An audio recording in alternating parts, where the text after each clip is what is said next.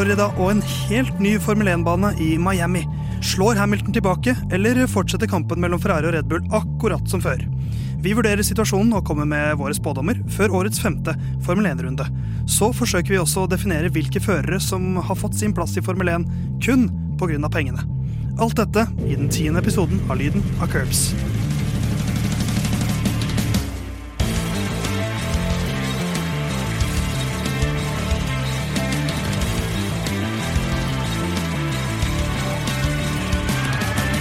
Den tiende episoden av Lyden av Curbs, det vil si at dette på mange måter er vårt tinnbryllup. Eh, Tre flotte karer i studio denne uken også. Theis Magelsen heter mitt, eh, heter mitt navn, og er mitt navn, bak spak og klaff. Mens Herman, du har kost deg med en is de siste minuttene. Hvordan går det med deg? Eh, Det går veldig fint, og Herman heter mitt navn også. Eh, Så nei, det har gått eh, veldig fint. Jeg kjøpte den der i den selvbetjeninga eh, på en dagligvareforretning, Ja. og det syns jeg er så utrolig lite effektivt. Ja, jeg For det elsker er, det. så, ma- ja, men det er så mange prosesser du skal gjennom. Du skal først starte skjermen, og så skal du skanne, og så skal du, skal du ha pose, bekrefte, ikke pose, trykke kort, skanne kort. Altså, kan du ikke bare rett på med kortet? Jo, altså, men det, jeg syns det funker veldig fint hvis du kjøper en liten is, f.eks. Eh, men hvis du skal ha storshopping, da funker det ikke. Da blir det bare køoppbyggelse. Men hva slags is var det du gikk for? Eh, en Litago med sjokoladesmak. Egentlig, eh, jeg skulle ha den der andre i sånn, hvor du spiser med skje i den der koppen, men det hadde ikke den. Jeg husker ikke hva den heter akkurat nå. Men Softshake. Softshake skulle jeg ha. Det ble Litago. Der hører vi den andre stemmen. Hva heter ditt navn, Jon Halvdan? Ja, mitt navn heter Jon Halvdan, selvfølgelig. Eh, Jeg syns det tar bort en eh, ganske grei eh, eh, altså del av prosessen ved å handle, nemlig eh, betjeningskontakten. For den er ikke jeg så veldig Nei. opptatt av på matbutikk. Og For meg er det først og fremst det at jeg, da kan ingen dømme hva jeg handler. Da, da handler jeg så jævlig som jeg akkurat har lyst til. Eh, Men det, det som grusomste som kan skje da, er jo hvis det blir sånn tilfeldig kontroll, og jeg da blir avslørt eh, for alt de grusomme varene jeg kjøper. Ja, for da har du dratt på litt ekstra òg. Ja, ja, da er det, da er det sånne Aunt Mabel-cookies og over en flat uh, bane. Flat, Eh, flat sko. Men en ting må jeg ta tak i, gutta. Det var noe voldsomt i fnising her mens, under introen, og jeg vet ikke hva som skjedde. Eh, Nei, det var Vi skal eh, ha litt videoklipp av den introen her, og eh, på den eh, så starta vi Vi rulla teipen litt før eh, vi begynte å prate. Ja. Eh, Så da er det ca. 30 sekunder med video av Herman spiser is. Eh, Så det vi satt og fniste av, eh, og jeg kommer til å synes det er ganske festlig når jeg ser det tilbake Det igjen. Det er jo SoMe-innhold ut av det der. Ja, det, det gjør det. Og det catcha på en måte meg og Jon Halvdan samtidig. At uh, vi er på tape, ja. Så det ja. Følg oss på Lyden og Curbs på Instagram, så får du sannsynligvis se det klippet uh, av en søt gutt fra Lagangen som spiser noe søtt. Uh, vi skal ha en ganske sweet episode. Eh, Miami skal vi til. Nytt, nytt område. Vi gleder oss. Det, det blir en episode preget av nye vibes. Falsk kai. Og rangering av sjåfører. Vi skal prøve å finne ut hvem er det som fortjener å være i Formel 1. Ja, Vi tar jo på en måte tak i det uramerikanske her. Altså, Det er uh, rikdom, uh, litt sånn råflott, sette ting i stand for å skinne best mulig. Altså Her er vi på både Ja. fører og løp, da. Og enorme mengder kalorier. Ja, Ref og penger. iskrem og, ja, og penger, selvfølgelig. Så mange gode grunner til å høre på lyden av Curbs. Vi eh, skal kose oss med Miami i dag. vi.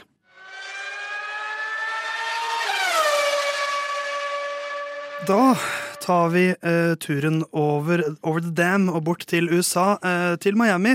Eh, Nytt Formel 1-løp, eh, ny bane, ny by, og det har vært litt hurlumhei rundt det prosjektet her, men nå har de klart å få landet til slutt, og det blir Formel 1-løp i Miami. Jon Halvdan, vi begynner jo alltid nye baner med å spørre hva er Jon Halvdans ikon denne uken? For du har jo alltid da, når det er prat om en eh, bane, et sånn ikon i notatene dine som starter hvert notat. Ja, det passer egentlig litt til hvordan jeg syns eh, Miami International Autodrome ser ut som. og- Og det er en krokodillemunn opp ned. Akkurat det jeg Eh, tenkte på. Så det er jo da en krokodille som er mitt eh, Notion-ikon. Ikke sant? Og selve banen, 5412 meter, fordelt på 19 svinger. Og vi kommer til å kjøre totalt 57 runder under løpet nå på søndag. Eh, og eh, jeg vet ikke om eh, hvor godt dere har kikka på banekartet, men eh, det er jo eh, tre DRS-soner. Eh, og eh, virker å være to til to og et halvt eh, steder der kan, man kan kjøre forbi. Ja, ehm, Det er jo spesielt da et langstrekke der som virker som kanskje det beste forbikjøringsstedet, hvor det, en, det går inn i en veldig treig sving. Og det er også et, et, um, et fint kriterium for en forbikjøringssone. Um, men noe jeg liker veldig godt her, er at DRS, altså detection zone-punktet, er altså på langstrekket. Helt på starten av langstrekket så har de satt eh, detection-punktet nå, som gjør at man kanskje kan slippe den derre etter deg-varianten som vi har sett en del ganger. Det liker jeg. Ja, det er jeg helt enig i. Eh, og så vil jeg jo si at eh, jeg syns det ser litt ut som en sånn eh, klesklype. Den her, Ja, den er ikke dum, den heller, altså. eh, Nei, så akkurat det på det banekartet, siden jeg prøver å avtronisere Jon Halvdan sine her, så syns jeg det ligna litt på det. Ja, men, nei, men Det er min greie, så det er krokodiller som blir stående. altså. Ja. Men jeg har også lyst til å ha en greie som er uh, Theis har med seg en lyd som skal assosiere til dette, denne banen. Så for å utkonkurrere Jon Halvdans ikon, så har jeg med Theises lyd. Så hvilken lyd assosierer jeg med Miami, er jo da spørsmålet, og det er denne lyden. Er det er noen som har sett på CSI Miami? Ja, ja, ja. Ja, ja, og der. Ja. Ja, Av med solbrillene og en punchline der. Og det føler jeg oppsummerer hele Miami. fordi at det har vært en del merksnodigheter før vi tar helt tak i, i selve banen og hva det kan medføre. There is going to, going to be a race. Det kommer det sannsynligvis til å bli, men også et veldig sånn rar maritimt eh, prosjekt de har prøvd seg på, som ikke er maritimt, men som skal se maritimt ut. Ja, med noe kunstig på en måte innsjø nærmest der, med noen båter på og sånne ting. Det er, eh, det er jo klassisk amerikansk, og det skal se flott ut, det skal være stort og det skal Ja. være prangende. Altså, jeg kjøper etter gang, så. Ja, for du gjør det, men det, Ja. men, men det er jo sånn som hvis når, når man gjør sånne ting til Sotsji-OL eller et eller annet prosjekt i Kina, så lever jeg av dem og sier sånn ha-ha, se så teite de er, hvordan de holder på. Det her er jo mye verre. Ja. Jeg ser litt for meg den der uh, memen uh, 'Jeg ønsker meg dette, men vi har dette hjemme'. Og det er litt sånn uh, 'Mom, I want a Monaco. Uh, we Ja. have a Monaco at home'. Og så ser det sånn ut. Så jeg er ikke helt Jeg kjøper det ikke. Men banen kjøper jeg litt mer, for den ser altså, jeg er I hvert fall forsiktig positiv. Det skal da være en mer eller mindre permanent bane med noen barrierer som blir tatt bort etter løpet, men med ganske brede ting, altså brede brett. Det er mulig å kjøre side om side, og at man har flytta DRS-punktet bl.a. til starten på langstrekket, gjør at man ikke eh, Det er ikke der du begynner med førstemann ut på langstrekket, eller sistemann ut på langstrekket, for da blir du sistemann også eh, på slutten av langstrekket. Eh, Så jeg syns det ser ganske eh, ja, ganske spennende ut, egentlig. Ja. Håper det blir bra racing. Det, side om side er jo både en type racing du liker her, men også en komiserie på NRK som du elsker. Eh, trykket ditt i bryst gjennom mange år. Jeg syns den var bedre før, i hvert fall. Ja, men, er enig, akkurat ja. som de fleste ting. Men, men hva tenker du instinktivt når du ser denne banen? Syns du det er eh, noe som ser ut som noe som kan skape spennende racing, eller blir det sånn eh, kjedelig én etter én DRS-tog osv.? Nei, den her, den her har jeg faktisk veldig, veldig trua på. Eh, Jeg syns jo noen elementer kan minne litt om min favorittbane Bahrain. Med noe swing-elementer og litt eh, strekker og sånne ting. Eh, jeg, men altså Ja. Jeg er enig i at alle baner har det, men altså utforminga av noe sånt Jeg syns det er noe Bahrain over eh, elementene her, og det er jo utelukkende positivt for min del. Ja, selvfølgelig. Eh, Jeg syns det minner litt om eh, Abu Dhabi, egentlig. Med kanskje de blå, eh, blå kanten langs veien. Men eh, jeg syns den har mye til felles med det. Også litt, eh, etter min smak, for kort eh, start-mål-langstrekke der. Jeg kunne godt tenkt meg at det var eh, litt eh, lenger. Men eh, de hadde vel kjørt noe sånn som 38 simuleringer før de valgte akkurat denne eh, strukturen på banen. Så da må man jo tro at eh, det er eh, Datagrunnlaget er i hvert fall godt, så da håper vi at resultatet også er det. Tipper eh, Mercedes Hansen hadde ganske godt datagrunnlag før de Ja. brukte bilen sin første gang i år, men det er ikke alltid simuleringene funker. Men, eh, men apropos eh, Mercedes, de, har jo, de bouncer noe voldsomt for tiden i sin bil. Men kanskje bouncer det mindre på denne banen, fordi at den asfalten her er high-tech som F. Mye mer high-tech enn bilen din, Herman. Og, Piper kanskje mindre og det, det skal visstnok være altså en så flat asfalt som det er mulig å få oppdrive. Uh, og den andre, altså Circuit of the Americas, den eh, andre Formel 1-banen vi har blitt mest kjent med de siste årene, er jo veldig spretten. Ja. Mens her har vi på en måte en rake motsetning. Så jeg er litt spent på, på, på hvordan det vil påvirke det, det hele. Og så er det jo helt ny asfalt. Og kanskje kommer det regn også. Ja, det er jo helt perfekt, og da kan det jo bli ordentlig glatt. Hvis, eh, hvis den asfalten er helt ny også, så har de i hvert fall hatt problemer med det på, på tidligere baner. Det var vel ikke med regn heller, egentlig. At, um, I, I Tyrkia hvor det var eh, helt ny asfalt og egentlig ikke noe regn under løpet, men det tørka bare aldri. mm. Og det er jo også et, et interessant uh, moment her. At, uh, hva, hva, kan vi tro om været? For det er, det er meldt varmt vær, over 30 grader. Men også uh, litt regn gjennom helgen. Sånn jevnt og trutt. Det regnet vi gjerne skulle hatt i Oslo nå. Det får de der i Miami isteden. Men det kan jo bli en sånn situasjon hvor man banen er veldig varm, en del steder så tørker det opp. Men så blir det litt fuktighet. Altså det, det, kan bli veldig dynamisk eh, baneforhold. Ja, jeg har, jo, jeg har jo vært i Orlando. Eh, altså, er jo, du, er, du, er, jo vår mest amerikanske ja, paneldeltaker. Er jo, er jo litt i USA, er jo det. Eh, og da var det i hvert fall altså, enorme værskifter da, på veldig kort tid. Sånn at uh, da var det Det regna hver dag, men det var stort sett uh, sydenvær, på en måte. Så hvis det er uh, Det var jo midt på sommeren. Hvis det beveger seg inn mot det i Miami òg, så er det jo sikkert ganske stor sjanse for at man kan få både regnvær og en sånn thunderstorm.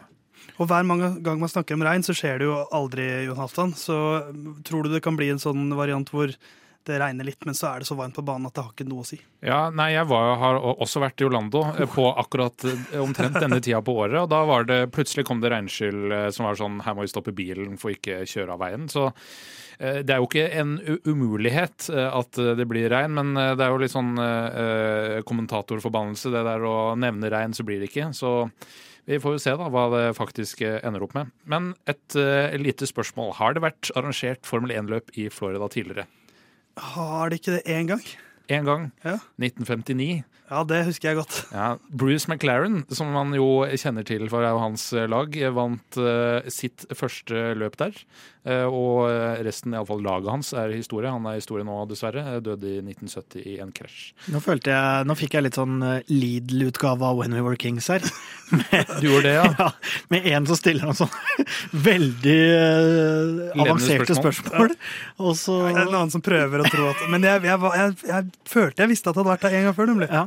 Ja, nei, jeg ja, det har det etter hvert en gang før, ja, som de nei, sier, de som har hørt den podkasten. Ja, nei, jeg syns det er eh, jo greit å vite at det iallfall har vært før. For hvis vi sier det er det første i Florida, så er det, det er alltid noen som vet ja. det har vært før. Det er alltid noen som vet. Nei, de, er, eh, de har blitt glad i Kanskje de begynner å bli glad i Formel 1 etter hvert også i USA. De, det er jo mange som snakker om at den ikke har fått sitt fotfeste der helt enda.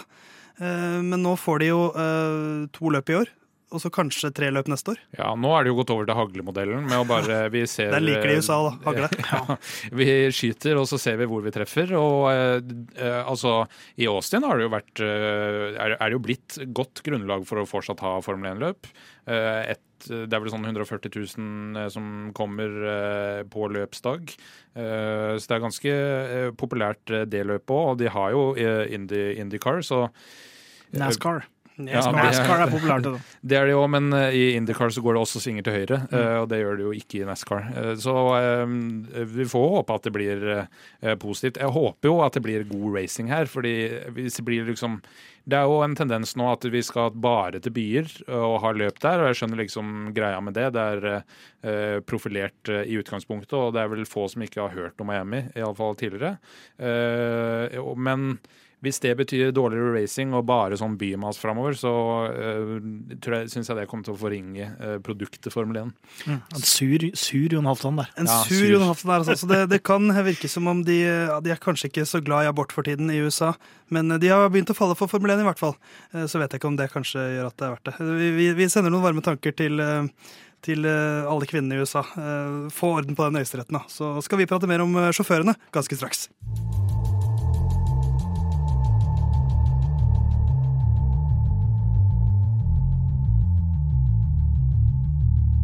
Da vet du forhåpentligvis alt du trenger å vite om eh, selve banen. Da får vi se litt over mot uh, de bilene som skal surre rundt der da, i en del runder. Uh, og Herman, vi får begynne på toppen. da, Red Bull Ferrari. det er jo historien i sesongen så langt. Ser du noen grunn til at det ikke fortsatt skal være historien? Nei, jeg gjør jo egentlig ikke det, men man kan jo begynne å, å fable i vei med McLaren, kanskje. At de kan uh, rote seg opp der. Nå er jo mitt uh, på en måte hjertebarn, og da tenker jeg ikke først og fremst som, som, supporter, men med tanke på at jeg trodde at det skulle være Mercedes som Masterplan, skulle, den nå kommer, nå ja, som skulle, som skulle komme utover her, og det har jeg mista trua på. Så den har jeg trukket meg på, og da er kanskje McLaren neste fokusområde for min del. At, ja. de, at de, nå nærmer seg litt. Ja, det er, det er i hvert fall ikke helt utenkelig. De fremstår jo mer som et, et, et skip på vei opp, kontra et synkende skip. Ja. Eh, eller er du enig i Hermans vurderinger her, Jon? Ja, At McLaren ser bedre ut enn Mercedes? Ja, og at, at, det fortsatt er Ferrari og Red Bull på topp. Ja, det er vanskelig å være uenig med det. Eh, om enn hvor mye det smerter meg å måtte være enig med Herman.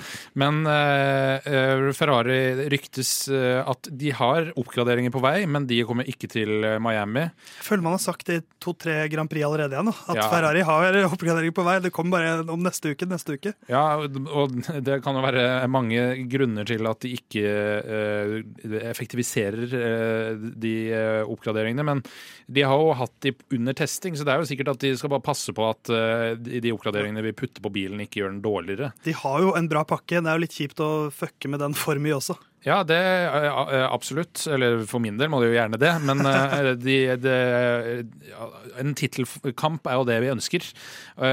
Så får vi jo da håpe, eller jeg kommer iallfall til å håpe at For det er jo en trend at når Leclerc vinner, så bryter Max Verstappen. Så får håpe at de klarer å slutte med det denne runda her. Det har jo vært sånn annenhver veldig fin trading foreløpig. Mens uh, Charles tabbet seg litt ut forrige uh, løp i Emilia Romagna på hjemmebane. Jeg føler, jeg, altså det er jo ikke hjemmebane for verken Verstappen eller Red Bull, men jeg føler jo de er mer på hjemmebane. av en eller annen grunn. Jeg føler Red Bull føles mer amerikansk enn Ferrari. Ja, men det er det jo, på en måte. Men Ferrari er også stort brand, da. Ja, det er det, men, men Red Bull er jo på en eller annen måte mer internasjonalt. Altså det er jo, det er jo større, det favner jo bredere. Ferrari er jo på en måte historisk og veldig italiensk, og, og mer en sånn nisjegreie for entusiaster. Ja, Red Bull eh, drikker vi jo alle her i ny og ne. Og de har en veldig sånn amerikansk profil. Jeg, jeg, tror flere i verden vil tippe at Red Bull er fra USA enn Østerrike. Ja, det vil jeg nok tro. For de har en veldig amerikansk vibe over alt det de gjør i PR-apparatet sitt òg. Ja, altså Team Principal i Ferrari, Mattia Binotto, snakker jo alltid eh, italiensk hvis han slipper unna med det i intervjuer. Eh, så eh, det er jo eh, det er langt fra Italia til USA, føles det som. Men Red Bull har jo gjort det bra i, på Circuit of the Americas, altså Austin. Og Ferrari har jo ikke gjort det like bra der. De har jo ikke vært så mye med i periode, forrige periode. Så det er litt sånn, Men ingen har jo fordel her. Så spørsmålet er jo da hvem er det som passer banekarakteristikken basert på et par animasjoner på YouTube eh, og et banekart. Eh, og da kan det jo være Eh, jeg tror kanskje at Red Bull har en liten fordel her. Det er to langstrekker, og de har fått eh, litt mer sånn kontroll over bilen i lavere hastighetssvinger. Eh, de har hatt den på slankekur og begynner liksom å nærme seg Som de fleste har? Ja. Begynner å nærme seg minstemålet, eller altså ja, minstemålet for vekt. Så om Hvis jeg skal liksom ha en liten knapp på at noen av de to er best, så er min knapp på Red Bull. Ja, de har jo hatt bra toppfart, og det kan jo fort vise seg viktig på de siste 400 meterne på det lengste langstrekket her. Um, hvis vi ser litt lenger ned uh, McLaren har jo vært et, et, en, en, en, bil som ser raskere og raskere ut. Uh, Mercedes har jo vært uh, litt sånn status quo. Kanskje en bitte liten forbedring, men ikke noe sjumilssteg som vi håpet på, Herman. Nei. Er de, er de, ute av det nå, eller kan de plutselig få en, eh, en, opptur? Nei, jeg tror de nok er ute av det nå. Eh, og så fort de eh, Jeg ser kanskje for meg et scenario om at når de begynner å få kontroll, så tenker de neste år. Og Hamilton har jo kontrakt også ut denne sesongen. Han vil sikkert ha sin åttende tittel, så jeg tipper at de begynner å få et fokus mot neste sesong ganske så snart. Ja. Men det hjelper jo ikke. De må fortsatt løse de problemene som er nå. De vil også være der neste sesong, men eh, at de kan eh, plassere en del ressurser inn mot den bilen. Ja, det er jo så spørsmålet er, altså, Hvis de ryker de, de, de, ligger jo på en fortsatt fin tredjeplass i konstruktørmesterskapet, som er jo det viktige eh, økonomisk sett. Um, så spørsmålet er vel hvis de ser at de har en ganske trygg tredjeplass, og at det begynner å bli langt opp til andreplassen, at de redder inn den, som du sier, når de kanskje får stabilisert bilen litt. og og så begynner å se mot neste år? Eller, eller tror du Jon, at de ikke vil si seg fornøyde med det? At de vil enda mer? Ja, altså Det er jo et spørsmål her. Eh, fordi altså Pengemessig så tror jeg ikke Mercedes uh, trenger uh, konstruktørmesterskapet i så måte.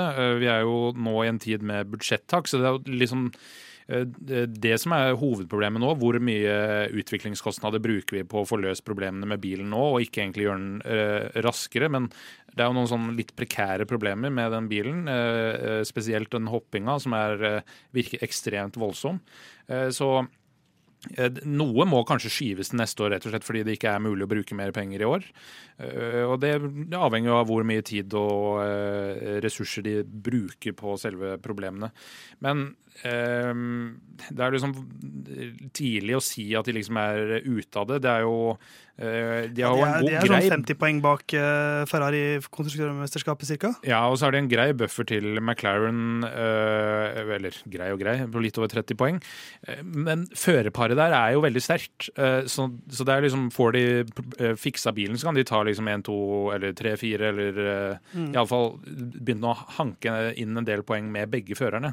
I motsetning til f.eks. det Ferrari har drevet på med i det siste, hvor Science er ute tidlig i løpet, ja. og så er det bare én som tar poeng. Ja, Mercedes er vel eh, altså det laget som har kjørt flest runder så langt i årets eh, Formel 1-sesong. Eh, som jo sier noe om deres stabilitet. Så de så, så kan man jo snakke om den sjåførparingen også. Jeg, Russell har jeg inntrykk av går litt for tryggere oppsett. Jeg, jeg, jeg syns det virker som om de tar litt større sjanser med Hamilton sitt oppsett. Og at han er villig til det, kontra Russell, som, som jeg tipper er litt mer opptatt av å ha en trygg og stabil start. Eh, for hvis han hadde gjort det dårlig i starten her nå, da hadde folk dømt han nord og ned med en gang. Og Hamilton tror jeg driter litt i det. Ja, men den eksperimenteringa tyder jo på at de ikke helt skjønner bilen. Ja, ja fordi... men, men, at det er da Hamilton sin bil de eksperimenterer mest med, fordi han sikkert er villig til å pushe det ja, og han det drøyer litt lenger. Og han er nok bedre på det å utvikle bil også, og gi tilbakemeldinger på ja, nei, dette funker, det funka bedre da vi hadde to knep ned på frontvinga eller det og det gulvet, og kan si mer detaljert hvorfor det er eh, sånn, enn kanskje Russell. Og det er jo fordi Hamilton har jo en million år erfaring i, i, Formel 1, så det er jo, eh, og han har vært med på å utvikle noen biler òg, så eh, det er nok lurt av Mercedes å gjøre det også. Så får vi se da om uh, Toto Wolff sine karer uh, klarer seg bedre her. Vi må prate litt om ditt hjertebarn, eh, Herman. Et av mange. Du, jeg sier jo at du har mange hjertebarn, mm. men Has er jo kanskje et av de som er ditt hjerte nærest. Ja. For nå er de jo på hjemmebane, faktisk. Uh, og heldigvis uten disse teite russiske fargene til Mazepin-familien. så da kan vi jo heie på dem bare fullt og helt, og ikke stykkevis og delt. hva tror du om Has? Begynte som ei kule.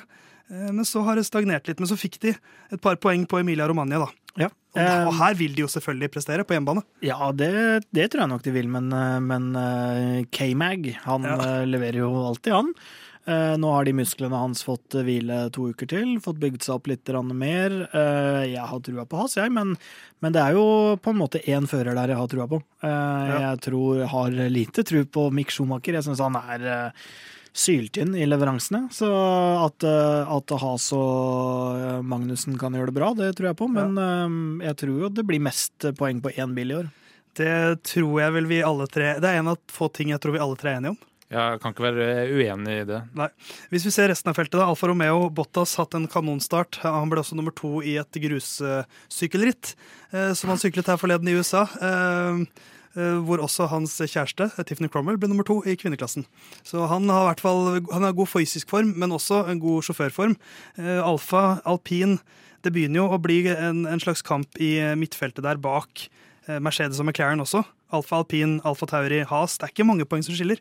Nei, altså Bottas er jo bare fire poeng bak eh, Hamilton i Mercedes. Så Stemmer. Eh, det er jo ganske eh, tett, den kampen. Og han har jo gjort altså så å si maksimert i alle løp. Det er jo ett løp han ikke har fullført. Og han har vel en historikk på nye baner som kanskje ikke er verdens beste, men eh, at han også skulle klare å hanke inn poeng for Alfa Romeo her, det, eh, det har jeg full tro på. Nesten bankers. Lav odds. nesten bankers og lav odds. Vi har begynt å liste oss litt over i spådomsterritoriet nå, så da tenker jeg vi går til spådommene våre nå.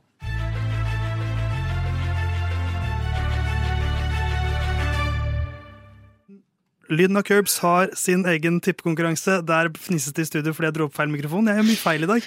Jeg tror det er varmen i studio som gjør det. Eh, Men vi har en tippekonkurranse gående hvor du, Herman, har kommet fryktelig godt i gang. Takk for det. Du slapp billig unna de første rundene med å sanking mange poeng før vi endret litt på reglene. Nei, det syns jeg er feil Eh, narrativ. Jo, i, i, eh, i ukens sjuking så dro du inn eh, gode tre poeng helt i starten der, på da vi bare hadde sånn Hvem blir vår driver of the day? Ja. Eh, men nei da, du skal, du skal ha den. Du har vært flink. Herman leder med 27 poeng. Jon Halvdan nummer to eh, med 16. Og jeg er selvfølgelig sist i alt vi gjør her, med 11 poeng.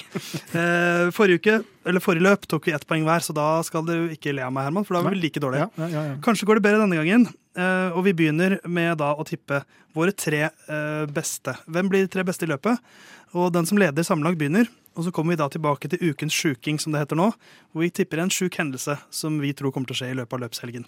Men Herman, du kan begynne med din topp tre. Ja, jeg, har, jeg river så mellom eh, noen Ikke bare to stoler, men flere. 17 stoler. Omtrent på om jeg liksom skal være kul og, og fet og gamble litt, eller om jeg ikke skal det. Og så er jo på en måte Nå skal jo jeg vekk eh, og ha vikar, så jeg må jo sende inn mine tips eh, framover. Og må jo på en måte ikke stå skolerett for det jeg tipser. Nei, nei, men du, Så- du blir hånledd av. Ja da, det er greit nok, men jeg trenger ikke Jeg kan være kjedelig. Så jeg har gått eh, Verstappen, Perez, Leclerc. Ja, er, jeg var innom mange andre varianter. og Dødskjedelig. Tar all mulig sjølkritikk, men eh, Altså, det er, jo, det er jo Hvis jeg hadde vært en sånn fyr, så hadde jeg lagd en snorkelyd nå. ja, gjør det, da. Ja, det er helt fullt fortjent. For det er så kjedelig tips. Jeg helt Eh, så jeg tenker vi går rett videre til deg, Jon. Eh, du har sikkert noe like kjedelig på topp tre. jeg, jeg tenkte ikke mange runder, eh, men jeg tenkte kanskje at andre kom til å tenke annerledes enn meg. Men eh, det gikk galt da jeg gikk bort fra min eh, standardtips. Eh, Så da har jeg fulgt opp med Og dette er jo da en blåkopi av Herman. Max Verstappen, Sergio Perez og Charles Leclerc. Ja, det er dødskjedelig. Men jeg ligger bak Herman, så disse Ja, poengene men, hva, er mye men da burde du jo gjøre om på noe nå, sånn at ikke du Nei, nei, jeg kan ikke være reaktiv her nå. Det er Men da- viktig å eh, eh, gjette det eh, Ikke gjette, uh, forutse det jeg mener kommer til å skje. Jeg syns jo nesten at mitt tips i seg selv fortjener ukens sjuking. Eh, Når jeg hører det dere har levert her. For jeg har gått for underholdning, jeg ligger sist. Jeg går for å fri til publikum eh, og være den som Det er alle en heier grunn på. til at du er sist, Theis. Ja, det er dårlig. Eh, Jeg kan ikke noen Formel 1, men da får jeg også følgende tips. Jeg tror Charlie Clair vinner. Det er ikke så sjukt. Men jeg tror, jeg tror at Landon Norris blir nummer to. Så tror jeg at Louis Hamilton blir nummer tre. Herregud. Herregud, ja. Men, ja, ja. men, men det, fikk i hvert fall ikke snorkelyder. Så jeg skaper en, eh, altså det verste som fins, er jo at folk kjeder seg. Um, jeg, nei, jeg tror eh, altså, Hvis jeg skal prøve å, bringe noe fakta til bordet, da. Mercedes har en veldig god track record på helt nye baner. Uh, men det kan også hende fordi at de har uh, vært sinnssykt gode de siste De årene. har jo god track record på alle baner. ja. Nei, men jeg, jeg tror og, og grunnen til at det ikke er noe Red Bull på topp tre, hører da med i min ukens sjuking. Ja, okay. Um, Nå blir det noen bryter. krasj. Noen krasjer bryter. i sving igjen. Og så tror jeg sånn at Science er for lost til at han klarer å komme seg opp igjen, for han, er, han vil for mye. Så tror jeg Leclerc vinner foran Norris. Og, og så tror jeg Hamilton kommer eh, med, med et solid løp igjen. Så det er et minutt mellom alle første, andre og tredjeplass her. Ja, Sånn som det pleide å være de siste tre, fire, fem, seks, syv årene. Tenk å sette Carlos Sainz på Lost. TV-serien. Synes han var så lost. Men ja. Ja. Nei da. eh, Bare gå videre, vi, da. Carlos Sainz og Mr. Echo der, eller? Nei, eh, han Hurley. Han er litt ruslige. Det er ikke dumt. Røslig. Eh, han sitter jo på en måte i rullestol, da, Carlos Sainz for tiden. I hvert fall Ja. føremessig. Og da, hvis han kommer seg til øya, så kanskje han lærer å gå igjen. Ja, ja, Kanskje kan. Miami blir hans lost. Men uh, ukens sjuking, da, Herman? Ja, uh, jeg prøver meg på en ting, og så uh, Det går ikke før jeg leder. Ferrari tar poeng. Ricardo over Norris. Nei, den får du ikke. Nei, du må, Alt er for lett. Det er, Alt for lett. det er nok med fører A over fører B. Ja, men det er, det er ingen som tror at den går. Nei, ja, men det er nok med fører A over fører skal, B. men det skal så lite til for at det skjer. Et, ok, Da har jeg ett rødflagg og en safety car. Nei, Nei, nei, nei, nei, nei. På en helt ny bane, Herman. Det er jo så lavthengende frukt du kommer med her. Det er ikke Kom rart, det er ikke rart han leder. Han ser helt sjokka ut. Løpet kommer til å fullføre. Ja, Hva har dere? Nei, du skal levere først. Det er du som leder sammenlagt. Ok, Da må jeg bare Du må, da må improvisere fram noe. uh, Ja, da får jeg bare improvisere fram at uh, Ricardo vinner. Godkjent. Ja, det er uh... Ja. Jeg hadde godkjent også topp tre, men nå har du allerede sagt Ja, han eh, vinner, da. Ja, han vant jo Monza, så det, Han vant, ja. sjuke ting kan skje. det, er, men, det er strengt, da. Nå, nå skal jeg være streng sjøl, jeg. men, men, du, men vi har jo en enighet i studio her om at vi er alltid strenge mot Ja, den som leder, og men- du leder ganske suverent, Herman. Ja da, men det var Ja, men det har, vært, det har vært en viss trend der med eh, eh, fører, eh, andre fører i lag X, eh, fullfører over eller førstefører i lag X. Vi har ikke holdt på lenge nok til at vi har en Du, tendens. du, Herman, er en Herman tendens. du har Russell over Hamilton. Så har du Ocon over begge Mercedeser. Så du er veldig glad i noen Ja. over noe annet. Ja. Og vi savner litt mer kreativitet. Og det fikk vi nå. Så takk, Herman. Bra. Veldig Ja, men det er jo Ricardo over alle. Nei, det er ikke godkjent! Det er ikke Nei, det, det er noe litt annet. Ricardo Vini er noe litt annet enn Ricardo over Norris. Okay, ja, ja. Hvis de fullfører liksom 18. og 19. plass der, det er Ja. ikke så imponerende. Og så er det for lite spesifikt. Ja, ja, jeg får høre dere, da. Ja, Hvis du hadde sagt uh, Ricardo over Norris, og begge tar poeng, da hadde jeg vært med på det. Nei, det hadde du ikke. Men uh, vi må Mer. videre. Uh, Herman, du får godkjent Ricardo vinner, uh, vinner eh, Miami Grand Det Prix. her er ja. Ok, Siden du allerede da har det, det, for jeg, jeg, skal, jeg skal slenge deg en, en liten hyssing her, Herman, som du kan gripe tak i. Okay. For du har jo i ditt tips tippet Verstappen, Perez, Leclerc. Og jeg syns det blir for dumt at hans Ukens sjuking strider med hans tips. Som de faktisk plass, gjør. Så du, du skal få lov til å komme med et nytt tips, Herman. Av meg. Som den programlederen jeg er, så bestemmer Ja, jeg det. En ny topp tre, eller? Nei, nei et nytt, en ny, ny Ukens sjuking. Okay, da Fordi at det kan ikke stride med det du har levert som ukens topp tre. Ricardo topp fire. Ok. Vet du hva? Den skal du få. Ok, For det var bra du ikke sa fjerdeplass, for da, Ja. nå spiller du på mye mer. Den syns jeg er godkjent. Ja, Eh, nå skal du ikke klage, for nå ga jeg deg ja da, men jeg, ny sjanse. her, jeg, det er litt som uh, dommere både i fotball og håndball. Jeg rister på huet og Du er jo en, en håndballspiller som alltid kommer på Viser kort, det er viser kort og sånn til Ja. eh, Men, ja, Det er to minutter. Men Jon, nå har vi jo slakta Herman sin, så da må vi være forberedt på å slakte din. Hva har du her? Eh, jo, jeg har, og her er det jo visse eh, premisser. Eh, og det er da eh, begge Mercedesene ute av Q2, eh, basert på performance. Ikke at det er regn. Eh, hvis det regner, og det er grunnen, at de er liksom uheldige eller røde flagg eller et eller annet sånn omstendigheter, men kun at de ikke er raske nok til å komme ut av Q2. Ja, noe det ikke har vært noe på flere Altså, det har vært Nei, de har jo vært eh, de har, jo, de har vel aldri hatt begge bilene ut av Q2, har de det? Nei. De hadde eh, Hamilton ut av Q1, og så hadde de Russell inn i Q3. Og så hadde de Begge bilene var ute av Q2. ja, Det har jo vært helt sinnssykt marginer, da. Ja, ja, men det, det, er det, det er det jeg sier. Og sist så regnet det jo, og det ble rødflagg. Hvis det skjer, så teller det ikke.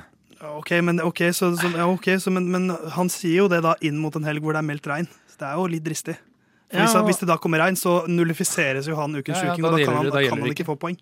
Nei, nei, men jeg syns jo den er Altså pff, Men Herman, jeg, jeg blir Herman, tom for ord. Herman, du må huske, du vurderes på et annet grunnlag. Ja da, ja da, men- det må du huske. poeng. Dette er ikke rettferdig. Nei da, men du, du har et lag som har krangla om å komme seg inn i Q3, og som så vidt har klart det, og det har vært marginer om å komme seg inn i Q2 i det hele tatt. Altså, og så bare sier Ja, men det er jo på, på dager hvor det har vært altså, Sånn som nå i Imola, da regnet det jo. Ja, men Mercedes har jo ikke De har jo ikke klart å utvikle bilen sånn som de skal, mens alle andre lag har jo Det ryktes noen små oppgraderinger Nei, nå. mens alle andre lag har klart Ja, å bli du, bedre. men, du mener at det ikke er bra nok? Jeg mener at det ikke er bra nok, Men men, Theis- Theis har jo Det holder jo for én godkjenning. Eh, jeg, had, jeg tror ikke jeg hadde godkjent den fra deg, Herman. Nei, selvfølgelig ikke. Fordi at du leder, og det er sånn det skal være. Det er vi enige om. Vi har snakka om Mario Kart-effekten. Ja da, men det eh, får måte på. Nei, Så- Dette er jo ikke måte på. Du kan ikke få stjerne hver gang du kjører i de dumme kassene for det. Og Merce men, begge men, men, han- Mercedesene men han over sier 70. også her begge Mercedeser.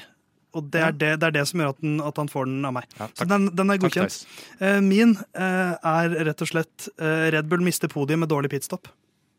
Ja, godkjent. Konkret og Ja. spesifikk, og lite sannsynlig når det er det laget som er best på pitstop. Men jeg, jeg syns de, det har vært for lite pitstop-knot fra lagene så langt i år, og jeg tror det kommer nå. Og da velger du Red Bull. Ja, fordi at er, De er Da jo- er det jo virkelig sjukt. Det er Altså, derfor, er det er de, det er jo, gir jo mening i en, eh, i, i én side av mitt hue, fordi eh, de er jo ganske høyt oppe uansett, og vil jo kjempe om podium. Så de har da et podium å miste. Ja, Så hvis du der setter has, så vil jo ikke de miste Nei. et eh, podium. Så- Nei. Så da, det er jo derfor da Jeg har jo da selvfølgelig tenkt Ukens sjuking i tråd med min topp tre. At det er derfor jeg da har Leclerc Norris Hamilton, fordi jeg tror Verstappen eller Peres pitter bort fra, eh, fra en, en eh, topp tre-posisjon. Ja. Ja. Så det var min uh, sjanse. Uh, dårlig stemning i studio, men uh, nå, Nå skal skal, nå skal vi prate stygt om andre, og det er bedre. Vi skal jo til the land of the not so free anymore, og eh, landet som er det mest kapitalistiske i verden, nemlig USA, eh, til Miami. Og da tenkte vi at eh, vi skal prøve å rangere på en måte, eller sette alle førerne inn i ulike kategorier. Det var eh, André Røsvik som sendte oss en eh, melding på Instagram for noen uker tilbake og spurte dere snakker mye om paydrivers. Hvem er egentlig paydrivers i årets eh, Formel 1-felt? Og da skal vi prøve å finne ut av det nå. Hvem er det vi i Lyden av Curbs vil kategorisere som paydrivers? Eller eh, et begrep jeg har lyst til å lansere nå, finansførere. Eh, for å få et norsk begrep på det. Og hvem er der pga. talent? Og hvem er en sånn type eh, hybrid i midten her? Som er en sånn ting som kanskje De, de har med seg en del penger, men de kan jaggu kjøre bil også, så de fortjener å være der. Det er jo nesten den eh, sjangeren jeg har minst eh, respekt for òg, Ja. egentlig. Fordi liksom det at, det at verden er urettferdig, og at noen kommer enklere til ting ved å være født i en rik og sånn, det kan jeg på en måte akseptere, mens de som Men at de er populære og flinke, det er Nei, ikke men- noe for deg. Nei, men de som på en måte får liksom litt drahjelp, det er irriterende, for de kan jeg liksom identifisere meg mer med. Det er irriterende. Sånn, sånn at du kunne vært som de og kjørt i Formel 1. Ja, litt bare mer. hvis du hadde spilt korta dine litt bedre? Ja, litt mer, i hvert fall. Satsa mindre på håndball og mer på formel, eh, go-kart. Jeg er nærmere de enn det jeg er de klare paydrivers. Ja, det er jo selvfølgelig en rar eh, eh, standpunkt å ta, Men nå men føler jeg at dere to krangler på grunnlag av våre spådommer i stad. Nå skal vi krangle om andre personer enn oss selv. Um, jeg tenkte vi kan begynne med å bare plukke ut hvem er liksom de som, vi som åpenbart er der på talent. Og så er det mange som kommer fra, fra velstand og rike familier og høyt opp i gradene i Storbritannia. Men som liksom, Det har gitt dem muligheten, men som ikke, de har ikke kjøpt seg en plass i Formel 1. Eh, hvilke navn er det vi kan bare sånn uansett sette inn i den kategorien? Som er der, altså Den- den talentførerne. Den åpenbare er jo Hamilton. Altså, vi, vi, jeg vil nesten eh, Jeg vil nesten ha linjeskift etter Hamilton, med Ja. tanke på både altså etnisitet, eh, hvor få mørke det er i den idretten, og at han kommer fra de kårene Ja, han gjør. Og så Han har, han har trosset mer enn bare penger, for å si det sånn, for å komme inn i Formel ja, 1. så den, Der er det nesten eh, linjeskift imellom. Ja, den skal, jeg skal gi deg den. I mitt skjema her Herman, så er det et eh, linjeskift under Hamilton. Takk. For der, der tror jeg Jon, du skal være kjip for å være uenig der. Eh, Ja, jeg Og er kan jo være kjip, men eh, jeg er ikke uenig her. Ikke vær så kjip. Ok, Men Hamilton skal inn der. Jeg mener jo åpenbart at eh, Sebastian Fettel også Ja, ja. bør i den kolonnen der. Eh, jeg syns jo også at din favoritt, Herman Esteban Ocon, mm. kommer også fra ganske sånn vanlige kår. Han er der på talent. Ja. Eh, men også, selv om Max Verstappen har en far som har kjørt Formel 1, ingen tvil om at han er et unikt talent. Nei, men der blir det jo litt høna å legge, da. Ja, men, men jeg syns jo ikke det, altså, Han er jo ikke Han har ikke en plass i Formel 1 nå pga. penger. Nei, ikke han, nå, har, nei. han har fått ja han, hadde ikke, han hadde ikke det da heller. Nei, altså det som, er, den, det som gjør det litt vanskelig med, med Verstappen, er jo at han at nesten Én ting er det nivået han har kommet på nå, det mener jeg har en del å si med faren og hvor tidlig han kom inn og sånn, men de voldsomme stega han tok tidlig i karrieren, Ja. det får du ikke Det gratis. er, jo en, det er jo en regel i Formel 1 nå, som, på grunn av han, fordi at han kom inn før han Ja. eh, ble 18. Det, det er derfor han er i Red Bull, er fordi det ble et Formel 1-sete. Eh, Fordi han, Ellers så hadde han gått til et annet lag, så det er ikke noe eh, spørsmål om talent der. Nei, det er jeg enig i, men samtidig jeg, jeg, jeg, jeg skal ikke være så kjip, jeg heller, at ikke, at ikke jeg anerkjenner den. Men samtidig så er det jo ikke noen tvil om at det er en fordel å være født inn i et Formel Selvfølgelig. 1-sirkus. selvfølgelig. Det, det er Så- jo, altså, vi, vi skal komme til Carlos Sainz, for eksempel, som har en motorsportfar. Ja. Men, men jeg syns vi skal nevne eh, en, Nå har vi nevnt tre av verdensmesterne. Hva med Alonso? Ja, jeg, Talent. Jeg har ikke må noe å si på det. Si det. altså. Så da har vi enda en talentfører. Eh, så da det, Ocon, eh, for da har vi de fire verdensmesterne.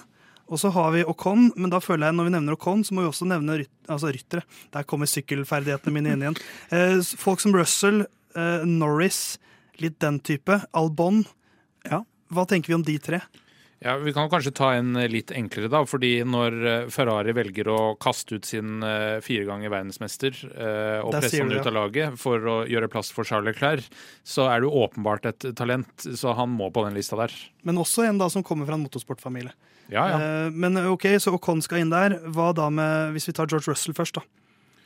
Han, altså, jeg, det er van, han, han er jo en utrolig Porsche-fyr. Han kommer fra veldig gode kår, Ja, altså, men han jo- kan jaggu kjøre bil. Ja, det er kostskoleVibber av hele fyren, men uh, til nå iallfall så må han inn i talentkategorien. Mercedes har vært eh, veldig eh, gira på å få han inn. Eh, sannsynligvis et år før de kanskje egentlig hadde lyst. Men det er jo noen av de her også som har litt sånn diffuse historier også, som er liksom vanskelig å få tak på. Det er for min del, for eksempel, det er veldig lite jeg vet om, om Russell, annet enn det han på en måte eh, har blitt portrettert på og spurt om. eh, noen noen eh, enkelt tilgjengelige avisartikler og sånne ting. Altså, han og Lando Norris og sånne ting, det er jo Jeg syns det er vanskelig å plassere de, og Ja. Ricardo òg. Altså, virker som eh, han kommer fra veldig gode kår i, i Australia der, med egen farm og det opplegget Ja. der. Men det er, det er vanskelig å si sånn som han òg, da. Men det, er jo, altså det, det gjelder jo på en måte det som gjelder i veldig mange idretter. Uh, I dag er jo på en måte enda mer ekstremt i Formel 1. Du, altså ser du på tennis, for eksempel, så er det stort sett veldig gode kår man kommer fra. Det gjelder i golf. Det er veldig mange idretter hvor du, du, du, du kan ikke drive med det hvis du ikke har rike foreldre. Og sånn er det jo med motorsport også. Det er jo kjempedyrt, selv på lavt nivå, å drive med motorsport.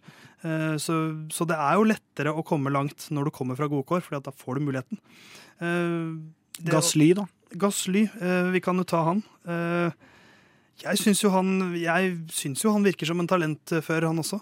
Ja, altså hvis vi skal eh, kategorisere basert på eh, penger de eh, bringer inn sjøl, så syns jeg både Gasly og Albon skal eh, på den eh, lista her. Albon er kanskje noe i kraft av å eh, kjøre som thailandsk sjåfør, Ja. så For Kanskje vi skal lage en ny kategori som er Altså ikke at de er paydrivers, men at de er en slags oppmerksomhetsdriver. Men hvis vi For sånn som Shogun Yu er jo litt samme typen som Albon, kanskje, og egentlig Peres også. mm. men hvis vi tar eh, paydrivers først, da, Ja. så er det enklere å plassere de Ja, for det, Skal vi ta de to som vi alle tenker på, eller? Eh, Ja, du tenker på Stroll og Latifi? Ja. ja, jeg, jeg skulle ha et humorsvar her, men uh, Jeg syns jo, jo også på en måte at Stroll skiller seg ut som den mest paydriver, uten at jeg vet hvem som har spytta inn akkurat mest, osv. Så, videre, Vil er du ha et jo- linjeskift under Stroll på paydriver? Jeg vil faktisk det. Ja, Fordi når, Nei, det er noe med når du har faren din eh, på en måte så tett på, som en synlig sponsor, ikke en som sitter og drar i, i kulissen. Det blir litt den derre eh, faren som trener og setter deg Ja. sønnen som spiss. Eh, Det- det men, ikke- men, men det er kanskje en brannfakkel. eh, Men jeg mener at uh, Latifi er en dårligere sjåfør enn Stroll. Nei, det er jeg enig i. Ja, Så det, men det har jo kanskje også litt med erfaring å gjøre, da. eh, selvfølgelig. Stroll har en del år flere ekstra år på baken der. Men, eh, men eh, jeg tenker vi kan, vi kan Nå har vi etablert de to mest tydelige Mm. paydriverne. Stroll utvilsomt på toppen. Latifi er jo litt, det er jo litt for, som du sier, forskjell på at noen kjøper et lag til deg, og at noen bare sponser laget ditt. Ja. Uh, som er forskjellen på de to. Men da har vi, da har vi fått liksom luka til to verste paydriverne. Så skal vi se om vi finner noen flere etter en kjapp pause.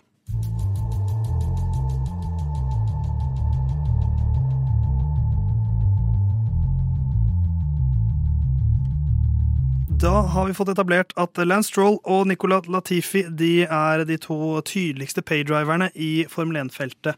Vi har også fått luket ut eh, noen av de vi mener er mest talentfulle, men vi har fortsatt ca. halve feltet igjen. Eh, Og jeg tenkte, gutta, hva syns vi om Valtteri, Valtri Bottas? Jeg hadde plassert ham på talentfull på sykkel, men, eh, men, men har han sin plass her på talent? Ja.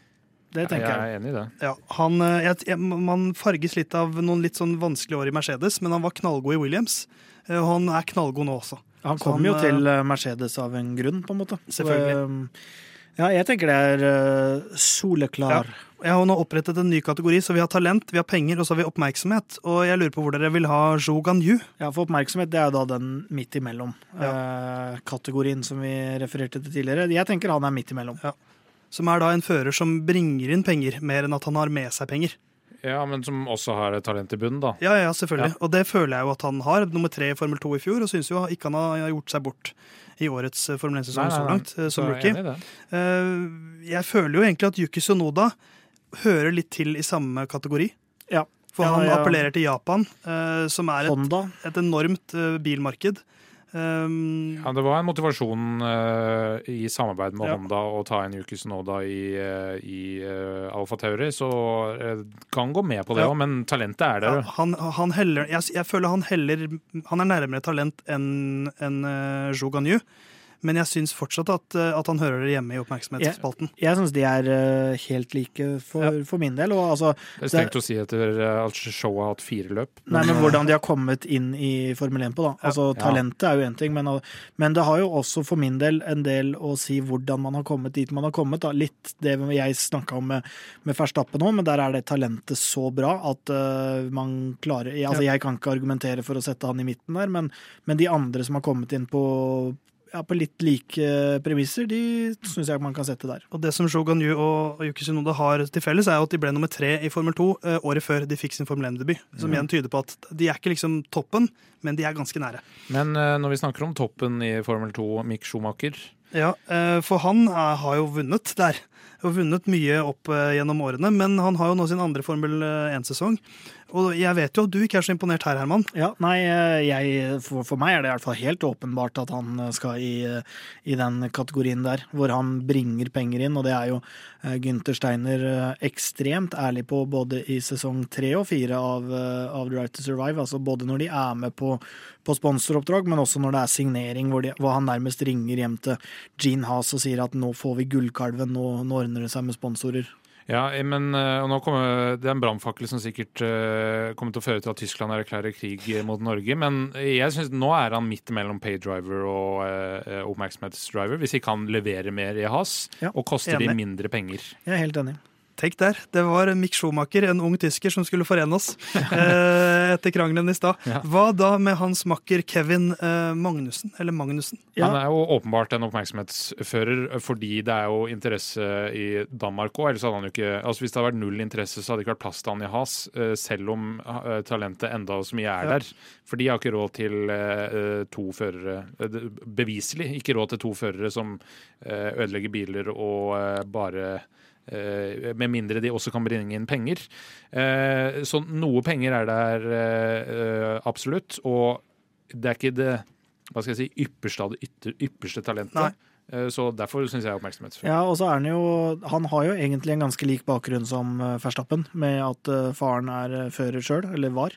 Og at man, eh, at man da eh, kommer inn og kommer enklere til det osv. Og, så og når talentet ikke er større enn det er her, da, så tenker jeg at han er en, eh, en mann i den kategori to oppmerksomhetsdriver. Men, Men en veldig solid en. ja, og hvis man, skulle, hvis man hadde fjerna hele karrieren hans fram til, fram til nå, og hvordan han har kommet tilbake på, Ja, så ville det vært en talentdriver. Men, men sånn, så enkelt fungerer det jo ikke. Så eh, vi har fire mann igjen. Eh, apropos far. eh, Carlos Sainz. Vi er vel kanskje passert det punktet hvor Carlos Sainz senior var den mest kjente. Ja, i noen kretser iallfall. ja, på verdensbasis tror jeg flere vil dra, dra kjensel på Carlos nå. Junior kontra senior. Men hva tenker vi om Carlos Sainz, som har jo da landet et av de to mest attraktive setene i sporten, nemlig Ferrari? Eh, Jeg kommer nok til å putte på talent, eh, og det er eh, argumentasjonen for det er at han har blitt pælma ut av både eller Ja, sant, av Renault spesifikt, fordi han ikke, åpenbart ikke har innbringa nok penger. I hvert fall ikke når konkurransen er Daniel Ricardo. Så valgte han jo sjøl å forlate McLaren. Men, og derfor også at det er talent, selv med en far som Ja. Eh, eh, rally-legende. Han er jo en slags eh, Verstappen, ja. Ja, det tenker jeg òg. Og hvis vi ikke skal begynne å så tvil om Verstappen, noe jeg- som jeg har forsona meg med, så syns jeg ikke vi kan begynne å så tvil om, om Science heller. Så den, eh, han har jo vært nærmest en, eh, en rotte i Formel 1 nå, som har eh, klart å vært Kakerlakk kanskje isteden. Som bare overlever alt. Rotte høres veldig bra ut. Ja, men Det er så negativt lada, for da dolker han folk i ryggen. Ja, det er mer men, lagene som har ratta han ut, ja, tenker det, ja, ja, jo, jeg kan Han dolka med klærne i ryggen. Ja, det er klart. rotta. Men det var for Ferrari, da. Og hvem hadde ikke gjort det? Nei, eh, Det er noe med de røde fargene, altså, Jon. Du kan ikke være så litt romantisk. Jeg tror Louis Hamilton hadde ikke gjort det. Nei, men han er Louis Hamilton. Han er større. Uh, Lando Norris, vi rakk ikke å plassere han kontant i stad, men jeg mener jo han er talent. Ja, jeg har ikke nok informasjon om han til at jeg kan vite noe, Nei, noe altså Han kom jo inn i McLaren som en uh, uh, Ryktes som en paydriver, uh, fordi han hadde også, dro også med seg cash inn. Eh, nå har han jo åpenbart vist nok. Eh, Han har kjørt eh, blant annet veldig mye simracing, så han er ganske eh, altså i verdenstoppen i simracing også. Eh, og, og eh, vil midt imellom, men eh, med hovedvekt på talent. Ja. Han vant jo Formel 3 og ble nummer to i Formel 2 bak George Russell, så han har jo talentet. Eh, Det er det ingen tvil om. Så han er også talent. Da har vi to mann igjen. Daniel Ricardo. Din mann, Herman. Talentfull på musikkfronten. Sja- og sjarmfronten og smilfronten. Ja. Uh, hvor vil du ha han? Uh, jeg vil ha han på, på talent. Litt samme greiene. Jeg har ikke nok informasjon om han til å plassere noe annet. Han virker som han kommer fra en velstående familie. Uh, litt sånn halve, halvekle forhold, nærmest, når man ser eh, hvor shiny og, og pent det er. Men, men det gjelder mange av de her, så jeg tenker talent. Ja, han har kommet inn eh, via Red Bull-akademiet, han som eh, veldig mange andre. eh, Og det også, når det ikke er liksom hva skal jeg si, milliarder av kroner i ryggen fra familien, så syns jeg at det er talent her, altså. Ja, han gjorde det veldig bra i gamle Formel Renault. Eh, vant et par sesonger der og hadde en solid ung karriere der. Men, men jeg er enig, han hører nok hjemme i, i talent. Da, Men det er med nød og neppe nå. Ja, nå har jeg spart den, den, den kanskje vanskeligste til slutt. Dere Vet dere hvem som gjenstår? Ja, Perez. Sergio Perez, Checo. Ja. Jeg syns ikke, ikke den er så vanskelig. Nei, du syns vel neppe det. Nei, men, men jeg kanskje Jon kan gi litt motstand. Jeg syns Nei, jo jeg han, eh, han åpenbart uh, var en eh, pay driver uh, med stor meksikansk Nei, sponsor som, det, uh, det, er, det er feil. som har vært inne. Ja, men Det er feil. At han var en pay driver. Ja. Han, han tok jo podiumplasseringer med Force India tidlig i karrieren. Det er, altså at han, at han Det var har, ikke så tidlig i karrieren. Eh, det, var, det er ti år siden nå. Ja, men det, det er ikke. Ja, han, har, han har holdt på en stund. Men ja, men han har jo Hvordan fikk han det setet? ja, det er jo også fordi det er penger, men det er talent der også. Jeg syns han var en åpenbar paydriver, og at han nå er i den mellomsjiktet. Fordi han hadde, han hadde aldri kommet dit han var uten de økonomiske kreftene i ryggen.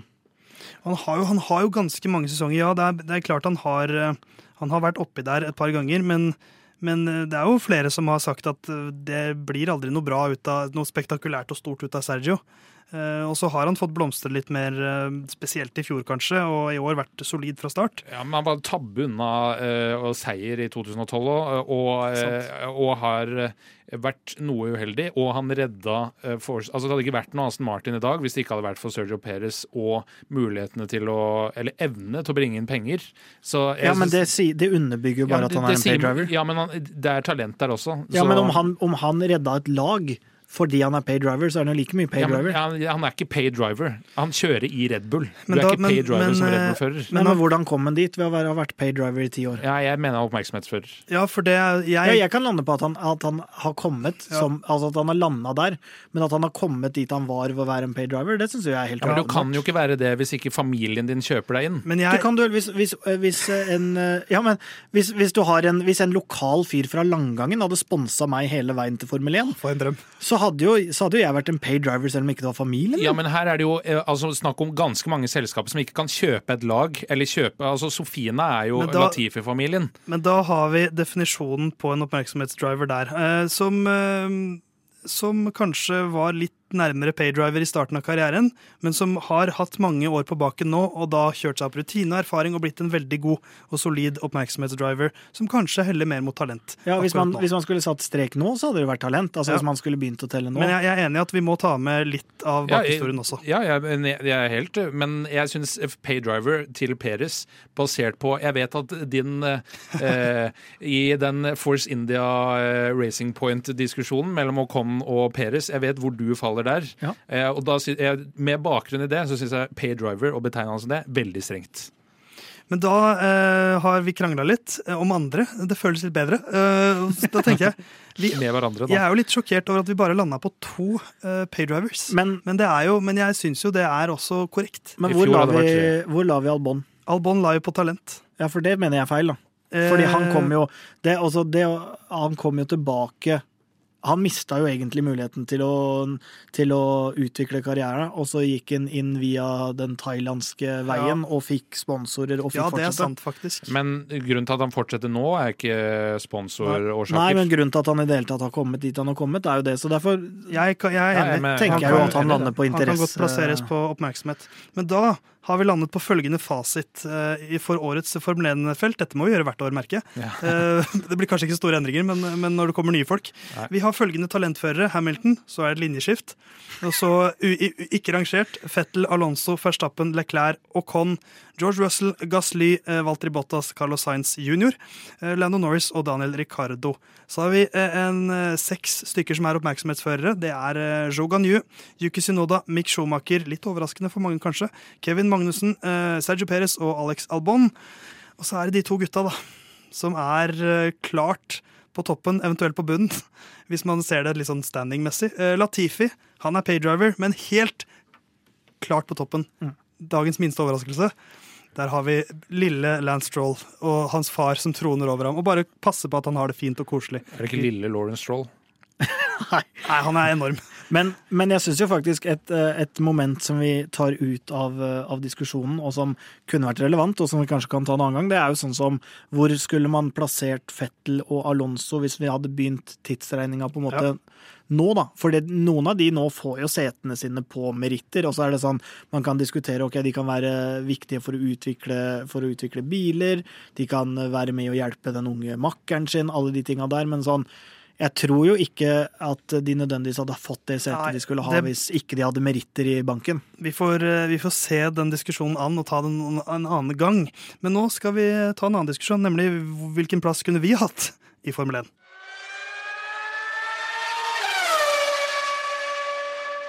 For hvordan hadde egentlig Herman, eh, Theis og Jon Halvdan, altså de tre som utgjør lyden av Curbs, gjort det i en Formel 1-jobb? Kanskje ikke som sjåfører, eller det er jo lov å drømme, men, men, men som en, en, en, en av, et av mange tannhjul i dette enorme maskineriet.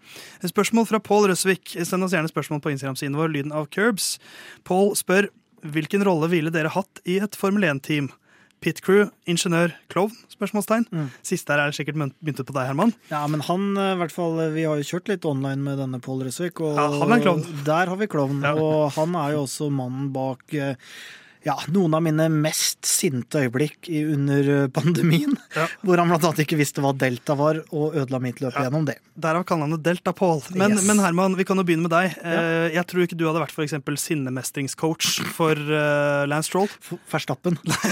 Det tror jeg ikke det hadde vært. Men, men hvor, ser du, hvor tror du du kunne passet inn? La oss se sånn, Ikke hvor har vi lyst, men hvor tror vi at vi kunne vært best? Ja, jeg er jo Det kjedelige svaret er jo eh, som den personen som står ved siden av eh, de som blir intervjua, og vært sånn type kommunikasjonsrådgiver. Ja, ja, ja. Altså, det er jo det er jo ikke veldig langt unna min eh, gate, verken i utdannelse eller jobb, sånn at det er der jeg hadde passa best. Stå, Stå der med egen båndopptaker og ja, og hei, nå har det gått 30 sekunder, og skulle ha bare et spørsmål. Ikke still sånne spørsmål. Vi er ferdig. Vi tar ingenting om, om kontraktsituasjonen i dag. For Det det, det, det gjelder vel egentlig oss alle til en viss grad. Ja, så det er jo litt Eh, kjedelig, men jeg har en alternativ. Ja, Få høre den. Det hadde vært i, i eh, pit crew, en av de som henter dekk. For jeg er jo ja, Du ikke er så sånn, rask på 40 meter. Jeg er ikke så himla sterk, men jeg er sterk nok og rask nok til å liksom gjøre det Ja. korte byttet. Jeg tror du kunne vært veldig god med den du, du, hvis du skulle jekke opp bilen. Det tror jeg du kunne vært knallgod på. Ja, I hvert fall ikke Jon Halvdan på det, Nei. for han har jo funnet ut eh, gjennom vårt, uh, vår, altså denne podkasten at han er så vimsete. Men, Jon, vi, men Vimse-Jon, hva hvis, Nei, det, hvis, hvis, det er så strengt, det hvis- der eh, vimsestempelet noen har gitt meg. Men hvis vi gir Herman en Mannen som kommer inn to minutter før sending hver eneste gang. Men Han koste seg med is i stad. Men hvis vi gir Herman en plass et eller annet sted i pit crew knytta til å løfte dekk, hva med deg, Jon? Hvor hører du hjemme? Eh, Nei, altså Det er jo alltid fristende å si som fører, eller kanskje Nei, team Det, det principal er, eller for det, noe. det, den fjerner vi. Fører er det Ja, eneste som ikke er lov. du er ikke så veldig Alt rask, er eller? Men jeg kunne bare sagt at det er jeg ikke modig nok til, å være fører. Eh, Men det jeg kunne tenkt meg å gjøre, hadde vært å vært eh, løpsingeniør, eh, eller race engineer, og gitt eh, hatt den der én-til-én-kontakten. eh, Ja, nei, nei, ro ned nå. Ja, det er to tideler bak. Ja, dette går bra. Fortsett sånn. Ja, for jeg tror nemlig at jeg kunne passe til det samme. For jeg er ganske god under, under, under press. Og så har jeg noen års eh, ingeniørutdannelse i bakenden. Ja, men ikke, ikke, ikke, ikke nok. Ikke noen grad på langt, men, så, men jeg har jo ikke den ingeniørkompetansen som trengs. Men jeg tror at hvis Christian Horner eh, forsvinner, eh, så kunne jeg blitt en slags sånn puppet for Helmut Marko. Hvor jeg, min rolle er bare å kødde rundt og være glad og, og en slags karisma. Og si sånn That doesn't look right. Ja. Men er ikke jeg mer eh, i Horner uh... Jo, du er jo litt mer trollete enn meg, men, Ja. men jeg, jeg føler jo at jeg har en veldig Jeg er god til å gjøre ting live. Du kunne jo kanskje gjort sånn Og jeg er god som til å, eh, til å jobbe under press. Så der tror jeg at det er viktig for en race engineer at du er god under press, og det er jeg. Og kanskje du hadde gjort Red Bull smakelig for sånne som meg? For det er, der er jo Horner en del av Det er ikke, så, det er ikke så mange Ja. som deg, Herman. Ellers så tror jeg at jeg kunne vært veldig fin som en slags sånn For vi, du, vi jo å referere til Drive to Survive her, men en slags sånn personlig assistent. Sånn som altså hvis Og det er Angela uh, Cullen. ja, ja, eller sånn den, han samtalepartneren til uh, Daniel Ricardo eller Ja. noe sånt. At jeg kan- kunne vært en slags bare venn for en uh, fører som er, er litt sånn ensom. Ja, han er vel sånn PT emotional coach. Ja, eh, Og jeg kunne vært en Ricardo. knallgod emotional coach, for det er jeg god på i ekte liv. Ja, ja, og du har jo coacha meg til å fortsette mange sesonger online hvor jeg la opp. Altså- jeg vet hvilke eh, Det er sånn når, når Toto Wolff ikke klarer å snakke med Louis Hamilton Toto, jeg tar et par runder så går det fint der. Bare la meg gjøre det. En slags sånn emosjonell coach. Det Ja, kunne jeg vært. Men nå syns jeg, nå gjorde du det litt mer eh, hva skal jeg si, eh, lett, lettsvelgelig for min del, at du tok den rollen. For akkurat nå så følte jeg sånn at eh, ja, hva kunne dere vært da? Og så tok dere sånne, sånne kule roller, og så var jeg en som løfta pittek. så, så Det er mye, ja, ja. jeg gikk liksom inn med det. Tenkte litt realistisk og sånn. Og Begge dere skulle være stjerner, dere i Formel Det er jo ikke akkurat stjerne som det er ikke så da. veldig langt unna. Du er Bono. Du, er et stykke Ja, men du blir jo ikke Bono. Hvor mange flere navn kan du på eh, han derre eh, Lambiassi. Eh, kjenner, stemmen, kjenner stemmene. ja, ja. Brad? Og, jeg- og jeg har lyst til å være han som er for Pierre Gasly. Eh, ja, han er ganske Ok, festlig. Pierre. Men jeg, jeg syns også eh, Charlie Clair sin som Ja. eh, OK, copy. Altså, det er liksom samme slutt på alle setningene uansett. We are plan G, plan G, og så går det tre minutter, plan F. Det Men- byttes hele tiden. Men den jeg helst ville vært, der er det jo, hvis vi kan la fantasien løpe, da er det jo enten Lauren Stroll, som jo er faktisk en sånn klesimportørgigant, eller Zac Brown. Ja. Og det er jo kanskje de to jeg kommer til å når jeg blir voksen. Altså, jeg ser ikke på meg som voksen enda, selv om jeg er 30. Det er den fysikken jeg jeg går i møte. en slags det er ikke noe av tvil om de det. Nei, men den litt røslige amerikanske stilen, det er meg. Høyt buksefeste etter hvert hvert. ja, ja, ja. Kordbukser. Det er ikke feil, det. Nei. Men da tror jeg vi lander på Herman som en dekkar. Mm. Jeg er en emotional coach for en fører som er litt bråkete. Og du, Jon, du lander på race engineer, rett og slett. Ja, eller race director. Fordi jeg skulle, Nei, nei, jeg skulle stått i det presset. Det hadde gått til Altså, da, må jeg, da må vi jo faktisk skyte inn at det var en gang jeg prøvde å hjelpe Jon Halvdan eh, online til å vinne et løp. Og jeg lå og på andreplass, Jon Halvdan på første. Jeg lå og sperra hele feltet, og han valgte å gå inn og pitte. Ja, det var, det var Hvor- race director du- som dette, dette er unfair. Du holdt jo ikke hodet kaldt i det hele tatt. Du kunne ikke vært Jo, race jo, director. jo. Men jeg hadde likt veldig godt å se Jon Halvdan i en veldig sånn pressa situasjon. Ja. Uh, for Press- eksempel i, i, så mye det- pressa sit- i Midtøsten en gang i fjor, for eksempel. Det hadde vært veldig gøy. Men uh, nå må vi takke for oss. Så får vi sikkert komme tilbake til hvor vi hadde hørt hjemme i Formel 1-sirkuset i resten av sesongen. Vi gleder oss til Miami Grand Prix. Det blir gøy med løp i eh, USA. Og så er vi tilbake neste uke med mer lyden av eh, Curbs. Følg oss gjerne på eh, Instagram. Lyden av Curbs. Send oss post at curbs.no. Noen siste kloke ord, Herman? Eh, ta godt vare på mine vikarer, og nyt mine innsendte bidrag eh, i, i de neste podene. Noen siste ord, eh, Jon? Eh, Dette er eh, kveldstid, både kvalifisering på lørdag og løp på søndag. Så eh, utnytt det. Eh, drikker du alkohol, ta en eh, alkohol. Drikker du ikke, ta en monster. Ja. Det var uh... Hvis du har lyst til å sove, ta en vann. Men ikke hvis du er i Oslo. Uh, mine, Nei, ikke drikk vann. Slutt å drikke vann. mine siste ord blir som følger. Takk for oss, og kos dere med Miami Grand Prix.